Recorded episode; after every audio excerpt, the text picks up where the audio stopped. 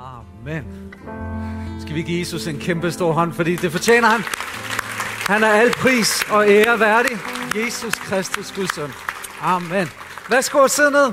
Hvor er det dejligt, at vi kunne være sammen igen i sådan en dejlig øh, sal, hvor der både er luftudskiftning hele tiden. Det vil jeg gerne lige have, du bemærker. Der kommer hele tiden ny luft ind, og det gamle bliver trukket ud. Dejligt lys er der også herinde, og øh, så sidder du ved siden af noget af det bedste, Gud har skabt. Har du lagt mærke til det?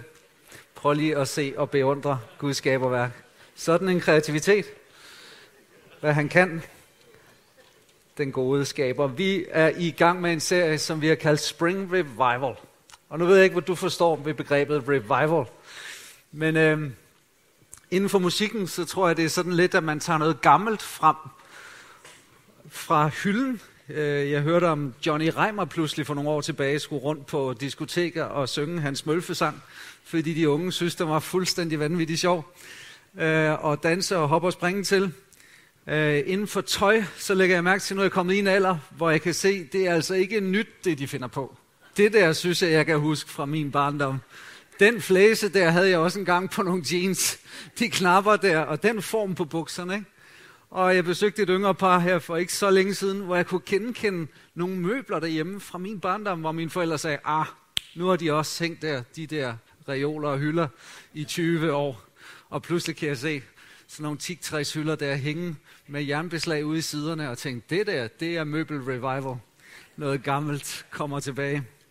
Eller har I så prøvet at sidde over sådan et modent ægtepar, hvor man har været sammen med dem nogle gange og tænkt, sådan helt normalt, så lige pludselig, så kommer der sådan en revival. Og de kan nærmest ikke lade hinanden være. De fletter fingre, de fletter ben, de fletter alt, hvad der kan flettes. Og man fornemmer bare sådan en revival, og der er bare noget gang i tingene. Og, og, og vækkelse inden for kristen vækkelse, åndelig vækkelse, det handler egentlig om, at vi opdager, at det gamle er godt nok.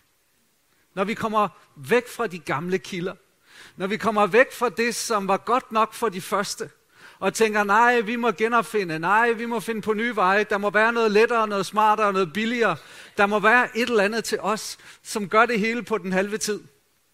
Men så kommer Gud med sin vækkelse. Og der bliver nødt til at ske noget med kirken, for at Gud kan gøre det, han vil med byen og med landet. Tror jeg, det er rigtigt? Der bliver nødt til at ske noget med os. Og det er som om, at vi er som Guds børn skabt til at skulle være i fornyelse, leve i fornyelse, opleve vækkelse, og alt hvad der ikke er vækkelse i Guds kirke, bliver svækkelse. Det er som om, at hvis ikke vi hele tiden vækkes til live, vækkes til at vågne, vækkes og forstyrres, så bliver vi bare lullet i søvn, og vi falder ind i sådan en dejlig, komfortabel søvn. Som hvis du ser din sidemand falde ind i sådan en søvn i løbet af de næste minutter her, så må du ruske og ryste og være øh, alt det, som du kan være, for at personen ikke... Jeg ved ikke, om du har noget kabel med, måske et lille strømbatteri, så kan du sætte lidt strøm til stolen også. Alt det virker. Vækkelse, det er, når Jesus giver en diagnose til sin kirke, som han gør i åbenbaringsbogen til syv kirker, og så sender han et skyld, eller en brise, eller en vind, eller sådan en ny smørelse med olie ind over forsamlingen, eller der er en ild, der fingre, hvor Gud får fat i et fællesskab. Der er ikke noget som når Gud får fat i et menneske. Der sker bare et eller andet med det menneske. Der er en helt ny brand. Der er en helt ny, nyt fokus. Der er et nyt drive. Der sker noget i et menneske, Jesus får fat på. Og det er det, vi taler om ud fra fire dimensioner af Helligåndens liv, som er olie, som er vand og som er vind, og som vi slutter i dag og taler om ild. Vi har altså talt om at fange fornyelsens vinde. Vi har talt om at finde ind i flowet med det levende vand, og sidste søndag talte vi om salveolien, der gør hele forskellen. I dag så skal vi tale om ild. Der er noget fantastisk fascinerende over ild. Er det rigtigt? Der er ikke noget så hyggeligt som at have pejs. Jeg bor i et typehus, hvor der desværre ikke var pejs, og det er som om, det passer bare ikke lige ind at lave en pejs. Jeg gad rigtig godt at have en pejs. Faktisk er min kone og mig så vilde med det, så vi er nogle af dem, som på vores smartfjernsyn jævnligt lige sætter billedet på af en pejs. Og det er jo ren fake. Det er jo ikke det, vi skal have. Det er jo den ægte varme, men det er bare så hyggeligt at lave et lille bål ude i haven, ude på terrassen, og så samle familien om sådan lidt bonfire. Og nu ringer min telefon, og det passer meget godt med øh, det her tidspunkt. Fordi om morgenen, når jeg vågner, så har jeg ligesom et valg, når jeg ligger der. Ikke? Der er en knap her, der hedder stop, og der er en, der hedder snus. Og hver gang Gud kommer med sin ild og sin vind, så har jeg valget. Okay, skal jeg stoppe det der, eller skal jeg bare snuse det? Kender I snusknappen? Og leve sådan lidt... Nej, der er en, der siger... det er en ærlig sag. Det er bare ikke ham. Det er bare ikke sagen at få den der snus ind. Men snus, det er jo egentlig bare udsæt øjeblikket. Og, og i dag, der håber jeg ikke, at vi bliver sådan en snus-church, øh, hvad man kalder den. Men jeg håber, at vi accepterer, at Gud bliver ved, indtil vi vil. Fordi vi kan ikke vække os selv. Øhm, der er også noget skræmmende ved Jeg kan huske, øh, da vi som familie boede i Ballerup, og det skal lige siges, at jeg er født i Horsens, ikke i statsfængslet, men i byen Horsens. Og så flyttede vi ret hurtigt til Ballerup, så jeg har nok været omkring 5-6 år, da vi flyttede fra Ballerup og videre i den følgetong, som mine forældre, der var præster, havde sådan en karavane. De kørte ud over landet, som, øh, hvor vi børn vi følte trofast efter.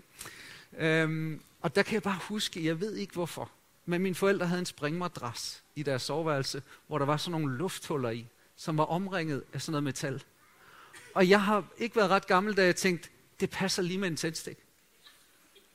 Og jeg har været for nysgerrig til at lade det være bare et eksperiment i mit hoved. Så jeg har tændt en tændstik, og så har jeg puttet den ind i det hul. Og så har jeg bare gået ud og lukket døren og tænkt, spændende at se, hvad der sker nu. og der var ikke lang tid, så begyndte ilden jo at øh, skabe røg. Der er aldrig en røg, uden der er en ild et sted. Og lige pludselig så går der helt panik i huset. Og det eneste, jeg husker, det er bare, at jeg hygger mig gevaldigt. Jeg ved ikke hvorfor. Der var en, en pyroman in the being, in the making. Men, men der er ingen døde og fortælle om, der var ingen såret. Vi fik slukket ilden, og der var sådan et pænt stort hul i madrassen. Og øh, det, jeg sådan kan huske på barndom, det var, at der var ligesom ikke budget til, at der kom en ny madras. Så der blev bare et godt minde der til, til, til Dan, Dans minde i madrassen. Det, jeg gerne vil sige noget om i dag, det er, lad ilden fænge. For jeg tror på, at Guds ild har sådan en kraft til at forandre og forvandle os. At det ikke er et spørgsmål om, at vi skal sidde og lave ild. Vi var nogle stykker på safari sammen, og vi så uden stamme, hvordan man kunne lave ild. Jeg tror, som jeg husker det, var det med afføring for æsler. Som øh, de her stammefolk viste os, hvor hurtigt man kunne lave ild og noget, en, en gren, som de kunne få op i, i fart, og der kunne komme noget glødværk der. Men, men vi taler ikke om en ild, som vi skal skabe, præstere, fortjene os til. Vi taler om en ild, Gud længes efter os sende.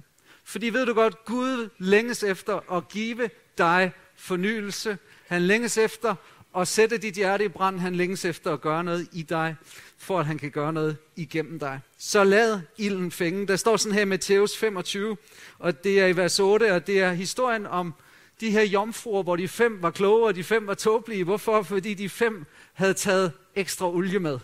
Og da de her fem tåbelige vågner op og opdager, ups, vi har ikke taget olie nok med, så står der, giv os noget af jeres olie. Og så står der på en engelsk oversættelse, for vores flamme er døde ud. Vores flamme er døde ud. Og jeg tror måske, der er nogen, der er kommet ind her i dag, og bare må konstatere, flammen er døde ud. Der var en flamme engang. Der var en ild, der brændte. Der var en lidenskab, der var en passion, men den er død ud. Og du skal vide, at du er kommet det rigtige sted. Fordi budskabet i dag, det handler egentlig bare om at åbne dig op og lade ilden fænge og lade Gud starte sin ild. Og jeg vil gerne øhm, tage dig igennem to spørgsmål og svare på, hvad er det for en ild, som vi taler om, Helligånden som Guds ild i Guds ord. Hvad er det for en metafor, som der bruges, og hvad er det, vi lærer af det? Hvad er Guds ild? Og så vil jeg også gerne svare på, hvordan vi holder den ild ved lige i vores liv, og oplever, at den fænger. Så er I klar? Hvis du har Bibelen med, så skal vi gå igennem nogle af de vers, som handler om Helligåndens metaforen ild, fordi jeg tror på, at der er en sandhed, som vi skal fange her. Den første øh, beskrivelse, som vi får af ilden i Guds ord, det er iver. Prøv lige at sige iver. Det er ikke et navn, der bruges så meget, men det er et gammelt dansk navn, tror jeg nok, Iver. Hvis du slår op i den danske ordbog, så står der også, det kan oversættes med ihærdighed eller gejst. Øh, du kan også bruge et nymoderne ord som passion eller entusiasme. At brænde for noget. Jeg husker endnu, da jeg var cirka 20 år og fik mit første kys. Øhm, jeg gik ned på bådhavnen og kyssede løs med min hustru. Har været lidt over 20 år gammel. Og øh, vi kyssede altså fra sådan aftenstund og så til, husker jeg det, som 3-4 om morgenen. Jeg ved ikke, om jeg overdriver her med det. Hvad vil du sige? 3, 3, deromkring. Men øh, jeg burde egentlig være rigtig træt, for det havde været en begivenhedsrig dag. Men af en eller anden grund, så vågnede jeg op i lejligheden, øh, tror jeg det var inde i Øgade kvarter, eller i min, mit, mit værelse, som jeg havde på det tidspunkt. Jeg kan ikke lige helt placere det.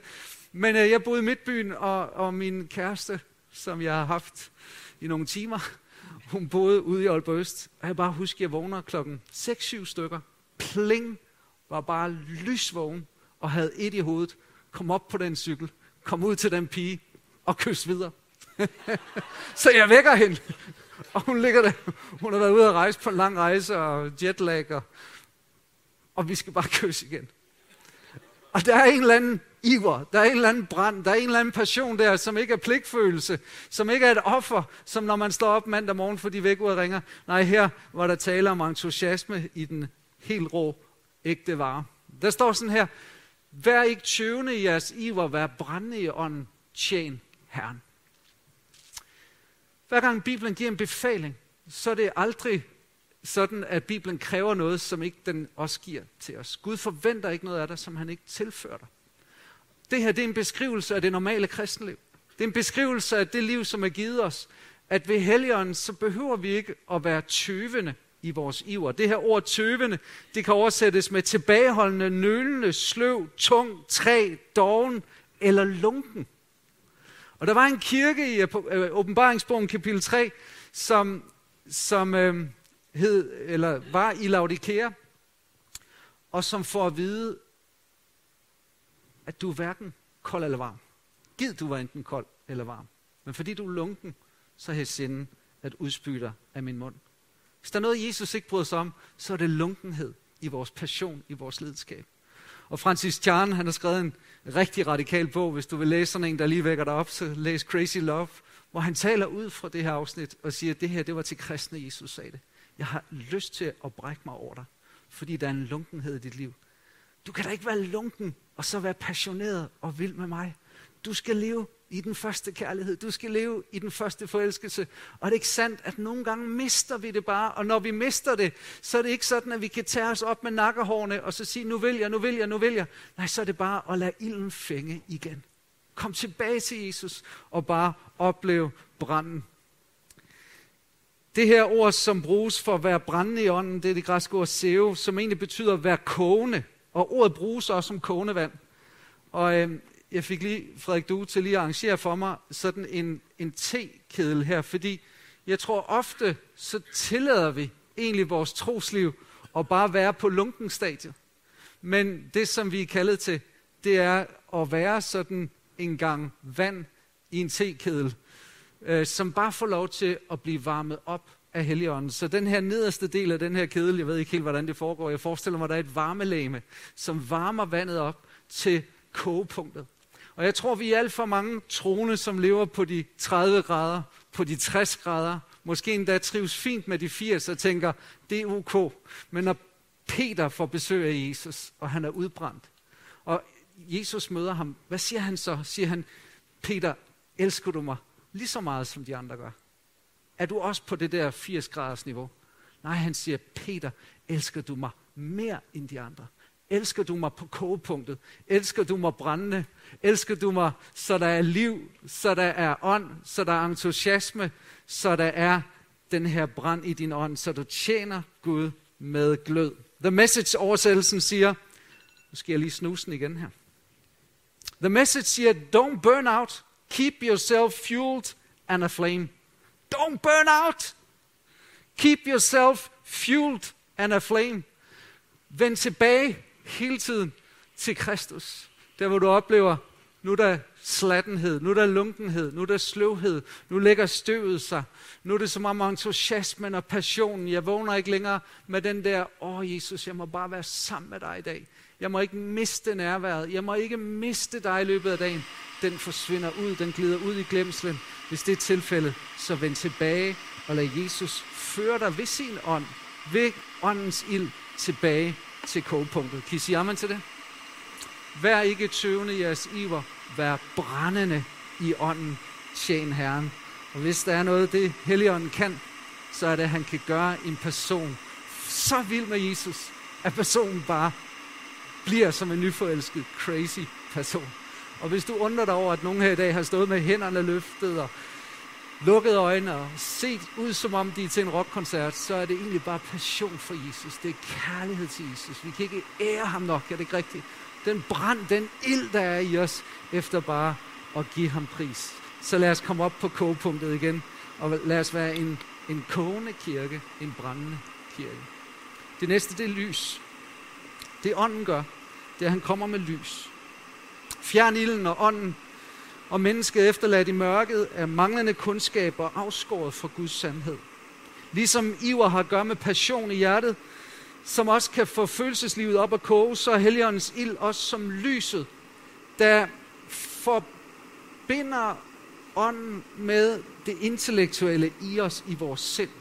Det var Billy Graham, som sagde sådan her, When the disciples were baptized with the fire on the day of Pentecost, their intellects were sharpened, their understanding were quickened, and their powers of, of comprehension, uh, comprehension was transformed. Altså, Billy Graham siger, at da disciplene på pinsedag blev døbt med helligånd og ild, så skete der også noget i deres intellekt. Det blev skærpet, deres forståelse blev øh, skarpere, og deres forståelsesevner blev forvandlet.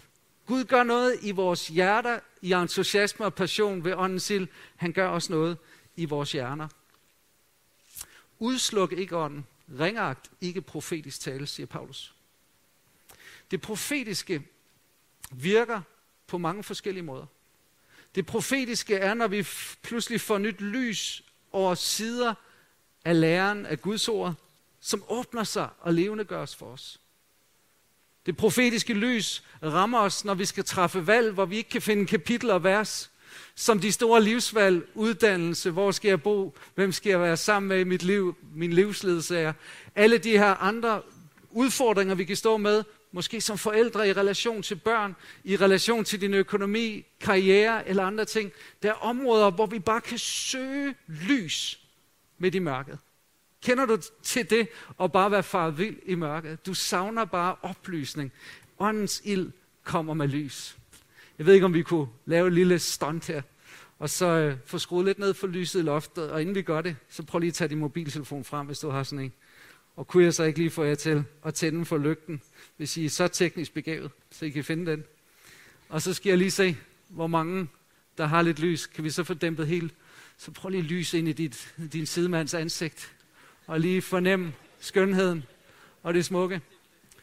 Det her, det er det profetiske. Det lyser ikke altid et kæmpe område op, så jeg ser mange år frem, men det lyser næste skridt op. Det var fint, tak skal I have. Jeg skal også kunne se jer igen. Så godt.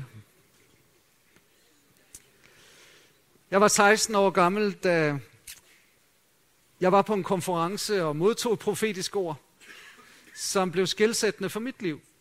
Og det var det, jeg fik en erfaring af, at det profetiske bliver ikke bare ord, der bliver retningsgivende, men det profetiske kan faktisk rumme så meget kraft, at det ændrer dig som person.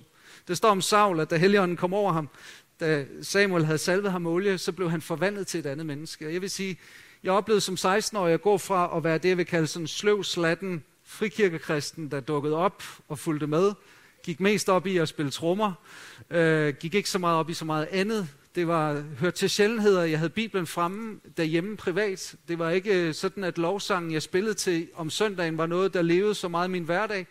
Men på den konference var der en Gud havde talt til om, at den aften, så skulle musikerne møde Jesus. Og af den grund, så kaldte han os frem. Og jeg kan huske, jeg nåede ikke engang, jeg var så chokeret åbenbart, så jeg nåede ikke engang at lægge trommestikkerne. Jeg havde dem simpelthen med op.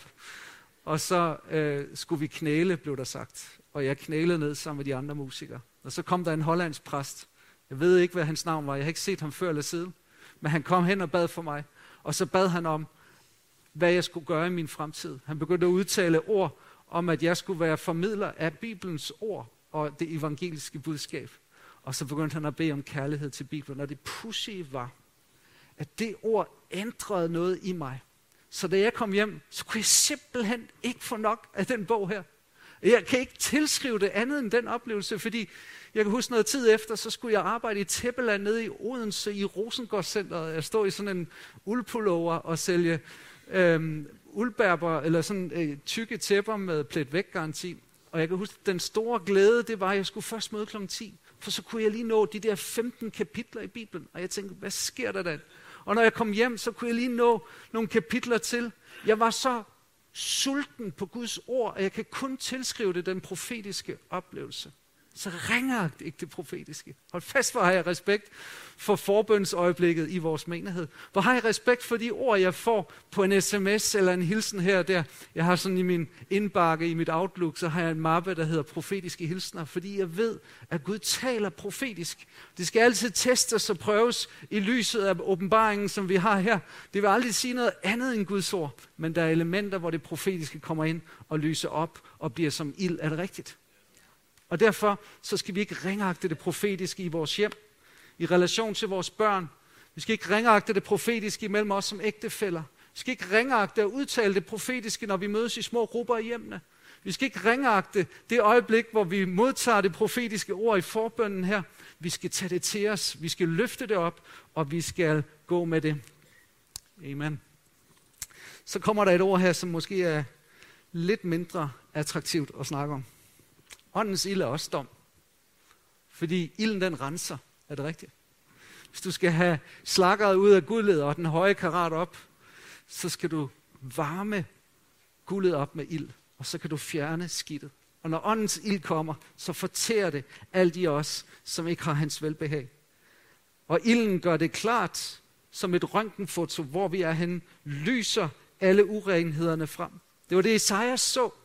I kapitel 4 og 5, så siger Isaias, ved dem, ved dem, ved dem, og han sådan går i gang med sin egen profettjeneste, virker det som, indtil han får en oplevelse i kapitel 6, er at komme ind i Guds nærvær. Og så oplever han det lys og den ild, og så siger han, ved mig, det er ude med mig, jeg er en mand med urene læber. Og så står der en engel tog et brændende kul for alderet og rørte hans læber. Og hvad skete der? Med et, så siger han, her er jeg, send mig. Der var en ny villighed, som kom ud af en renselse. Og du skal vide, at Gud er ikke bare sådan en kammerat alene. Han er ikke kun din farmand. Gud er en fortærende ild. Og der står her, lad os derfor takke for, at vi har fået et rige, der ikke kan rokkes, og med tak tjene Gud. Altså ikke surt, tvunget, men med tak. Som det er hans vilje i Guds frygt og ærefrygt. Hvorfor? For Gud er en fortærende ild. Det er som om, vi skal balancere attituden i vores liv af taknemmelighed og ære og pris og tak med ærefrygt. Frygten for ikke at give ham al æren. Frygten for Gud kommer ind i vores attitude som en ydmyghed, som en sønderknuselse, som en sønderbrydelse og en renselse. Igen siger The Message det er rigtig godt. And do you see how thankful we must be not only thankful, but brimming with worship, deeply reverent before God, for God is not an indifferent bystander. He is actively cleaning houses, torching all needs to bird, and He won't quit until it's all cleansed. Han stopper ikke, før det hele er renset. Han vil undersøge og finde alt skidt og rense ud. Så der er en renselse, en dom, Jesus siger, det er gavnligt, det er bedst for jer, at jeg går bort, for når han kommer, så vil Helligånden komme og overbevise om synd, dom og retfærdighed. Så åndens ild kommer også med en overbevisning. Du siger måske i dag, jeg har ikke brug for Jesus, jeg har ikke brug for evangeliet, jeg har ikke brug for alt det der. Og jeg vil bare sige til dig, jeg vil, eller nogen andre vil aldrig kunne skabe behovet for Jesus. Der er kun en, der kan det. Det er Helligånden. Og når han kommer ind med åndens ild, så vil du få en oplevelse af, hvis ikke jeg får ham ind i mit liv, så går jeg til grunde. Du vil blive så klar over, at du er beskidt indeni om at have hans renselse. Det kan han give ved Jesu blod. Og den følelse får du kun ved Helligånden. Den kan ikke nogen mennesker skabe i dig. Den kommer Helligånden og virker frem i os som mennesker. Dernæst så er der altid en effekt af ånden. Når vi taler om Helligånden, så er han som ilden, fordi han varmer, så vi bliver passionerede og kommer på kogepunktet. Han er som lyset, der lyser op, så vi får forståelse og vejledning. Han er også som ilden, der fortærer og brænder op al vores egen egoisme og synd og elendighed. Han er som ild, der giver energi og kraft. Og derfor så siger Jesus, eller så siger han døber om Jesus, at han skal døbe jer med helligånd og ild. Der er altid en effekt ved at have ilden med sig. Er du blevet døbt i helligånden, så betyder det faktisk, det ord, græske ord baptizo, at blive lagt ned i en væske, så du omsluttes af væsken. Så du er immersed in the Holy Spirit. Du er simpelthen omgivet af Helligånden. Han har dig. Der står et sted, at, at ånden iklædte sig Jefta. Det vil sige, det er som om Helligånden tager bolig i dig. Du er nu templet. Din krop er nu templet. Alt i dig fyldes af ham, og han kommer til at lede og styre og guide dig. Og den oplevelse vil altid efterlade en effekt, som ilden efterlader en effekt. Ilden bringer noget ind i dit liv, som vil være tydeligt for alle og enhver. Og så siger du, at jeg er i tvivl om, om jeg virkelig har oplevet åndens dåb. Så vil jeg sige, er der en brand i dig? En entusiasme og en passion for Jesus? Er der en kærlighed til hans ord? Er der en oplevelse af bøndens kilde er åbnet i dig? Hvis ikke, så kan det være, at du har brug for en fornyelse af åndsdåben. Har du en lyst til at dele Jesus med andre? Har du det sådan som de første disciple, de kunne ikke lade være med at tale om det, de havde set og hørt? Hvis ikke, så har du måske brug for en fornyelse af åndens ståb i helion og ild. Amen. Du kan nemlig ikke varme dig i dag på en ild, der brændte i går. Du må hele tiden have fornyelse af den ild, som vækkes i dig. Det sidste kendetegn ved ilden, det er nærvær. Når Gud kommer, så kommer han som ilden. Der står i 2. krønike 7.1, at da Salomo var færdig med at bede, faldt der ild ned fra himlen og fortærede brandoffer og slagtofferne, og Herrens herlighed fyldte templet. Og præsterne kunne ikke gå ind i Herrens tempel, fordi Herrens herlighed fyldte templet. Hans nærvær, når Helligånden kommer, så kommer han som ild. Ilden fulgte Israels folk. Om dagen skystøtte, om natten en ildstøtte. Ildstøtten var en beskyttelse, men det var også en vejledning. Der står i Zakarias 2.9, jeg selv, siger Herren, vil være en mur af ild omkring Israel og vise min herlighed i den.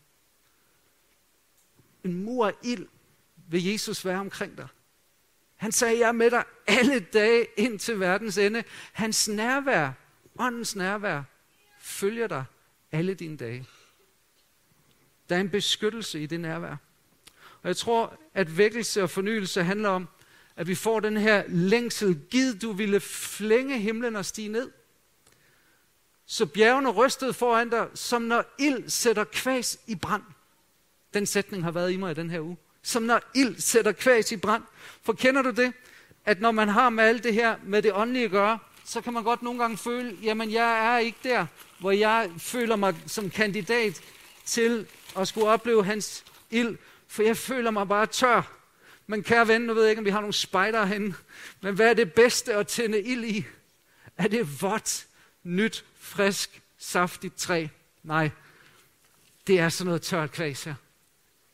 Ikke? Så føler du dig knastør, så skal du vide, i dag er du kandidat til at opleve hans ild. Amen. Han kommer, og han møder dig, hvor du er, som du er, i Jesu Kristi navn. Så min opfordring er at lade ilden fænge. Og her har vi en præstelig opgave. For der står sådan her, at ilden på alderet skal holdes brændende. Den må ikke slukkes. Præsten skal hver morgen komme brænde på, og han skal lægge brandoffer til rette på det. Og det ilden skal til stadighed holdes brændende på alderet. Den må ikke slukkes. Vi har altså et ansvar som troende. Vi har været inde på det tidligere, at, at vi er præster som troende. Alle er præster. Det er også derfor, vi historisk set som kirke har været meget tilbageholdende med at kalde nogen for præst. Vi har brugt ordet forstander, men da det ord udelukkende alene i samfundet, udover i pinsekirker har været brugt om plejehjemsledere, så tænkte vi, okay, det var måske ikke helt det bedste ord at finde, så vi er gået lidt øh, fra det. Og så bruger vi så udtrykket præst, men i virkeligheden er alle troende præster. Prøv lige at sige det til din sidemand, du er præst. Så nu vil jeg gerne bare lige hurtigt give dig en opfordring til, hvad er det for noget brænde, du kan lægge på? Jo, for det første, hvis ilden skal fænges, så læg forbøn på. Fordi forbøn, bøn, det er som åndedræt. Det giver ild til ilden. Og husk på, at pinsedag, da den kom, pinsedagen kom, så var de alle forsamlet. Hvad var de forsamlet til? Var det øh, kun hygge og sjov og ballade? Nej, de var samlet til bøn og lovsang. Det var et bønnemøde, ilden faldt på. Der står, tunger som er ild, viste sig for dem, fordelte sig og satte sig på hver enkelt af dem. Det var altså ikke bare de 12 apostle, det var alle 120, som blev fyldt op med Helligånden og begyndte at tale på andre tungemål. Det vil sige, pinsens mirakel tog udgangspunkt i bøn. Og der står i slutningen af Lukas 24, at de holdt sig til stadighed i templet, hvor de sang lovsang. Så der har både været bøn og lovsang. Har du bønden, bøndens brænde i dit liv? Eller så går ilden ud. Dernæst ærlighed. Sådan en fake flamme, som vi kan lave hjemme på vores fjernsyn, sådan et bål der, det har ingen betydning. Det Helligånden vil falde på, det er den real deal, det er den ægte vare. Og Jemias, han er så ægte, som han kan blive, når han siger sådan her, Jemias bog 20, Dagen lang er jeg til latter, alle spotter mig. Hver gang jeg taler, må jeg skrige, råbe om vold og ødelæggelse. Når Hans ord bringer mig dagen lang kun spot og spe. Når jeg sagde, jeg vil ikke tænke på ham, og ikke mere tale i hans navn, så kom der i mit hjerte en brændende ild, den rassede mine knogler. Det var da profeten blev hudløs ærlig, og bare sagde, okay, nu er det slut, nu gider jeg ikke mere. Hver gang jeg skal tale på Guds vegne, så giver han mig domsord. Det gider jeg ikke mere. Jeg er for tæsk.